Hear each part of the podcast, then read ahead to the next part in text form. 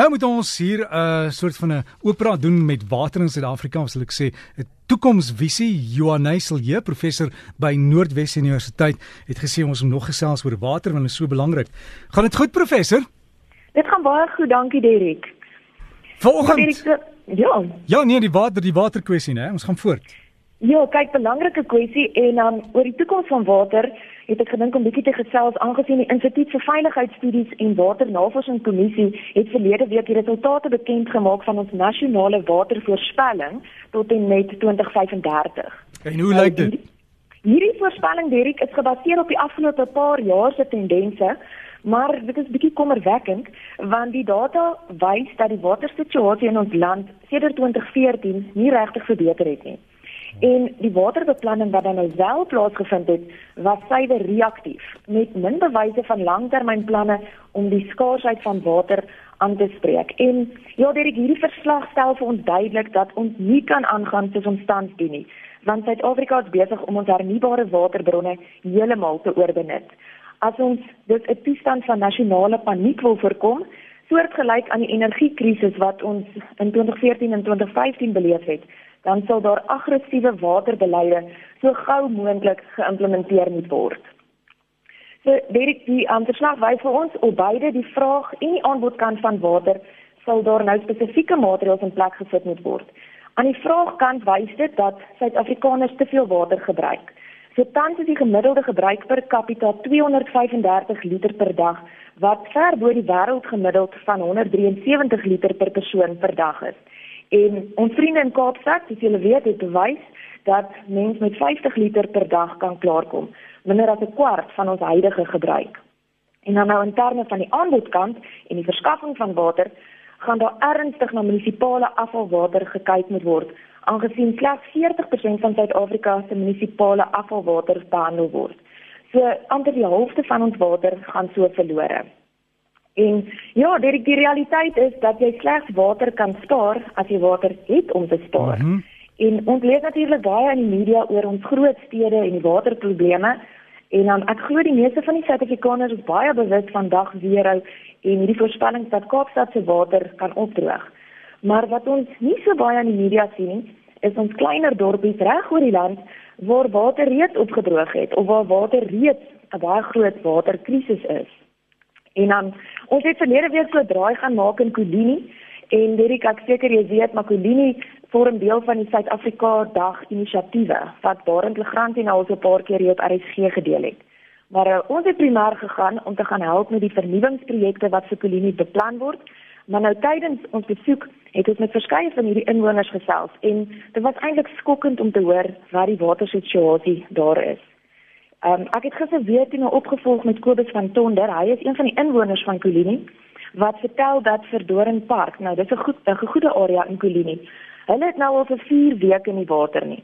So die mense ry kanne en kanne boorgat water aan na hulle huise toe. En dan soos ons nou laasweek gesels het, die boorgatwater se gehalte kan natuurlik nie gewaarborg word nie.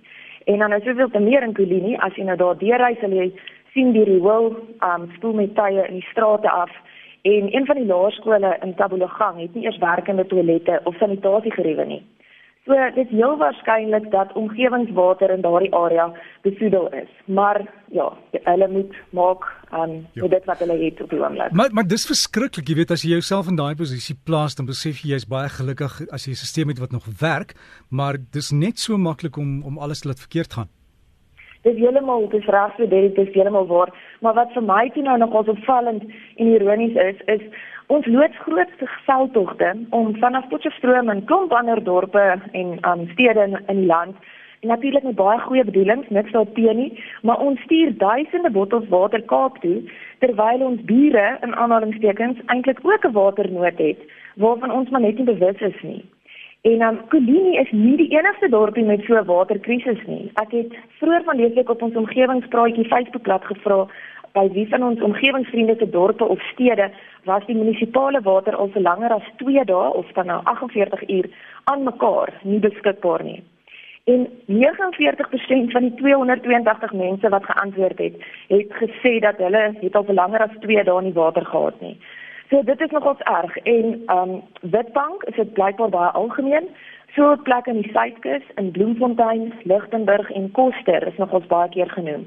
So vir baie van Suid-Afrika se kleiner dorpe het dag weerhou eintlik reeds al aangebreek en dit is maar net nie bewus daarvan.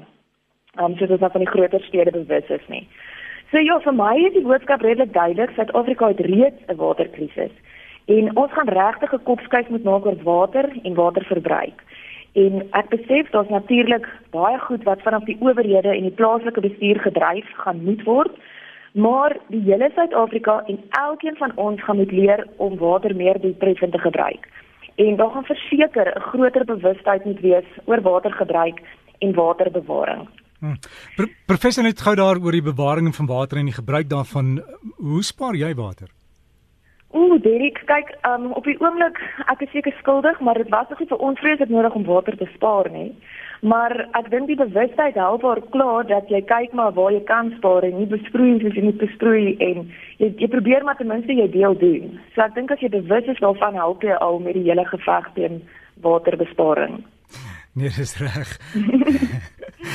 en dan gaan ons volgende week gesels oor Hierdie jou volgende week gesels oor die toekoms ag oor die navorsing oor um water wat gedoen is. En dit was 'n bietjie goeie nuus, maar ek gaan hom los vir volgende week, maar uh, vandag wil ek julle graag laat met die woorde van Randwaterraad wat sê ons moet waterwys wees. En dit beteken ons moet water respekteer en ons moet water oordeelkundig gebruik. En ons moenie ons riviere besoedel nie.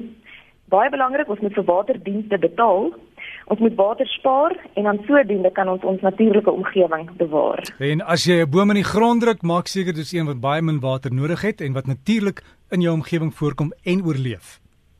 Net so Derek, ons moet kyk na ons indringende spesies en eerder probeer ons natuurlike uh, bome aanplant, presies soos jy sê. O professor, alles in die beste wonderlike naweek. Ek hoop ons kry nog baie reën in Suid-Afrika en laat daai dam in die Kaap ook vol word asseblief. Uh, gaan goed. Baie dankie Derek, selfs vir julle. En die omgewingspraatjie Facebook bladsy, dit is baie aktief. Jy kan daar gaan loer. Omgewingspraatjies, die meervoud en ook as jy wil e-pos omgewingspraatjies by gmail.com. So omgewingspraatjies by gmail.com.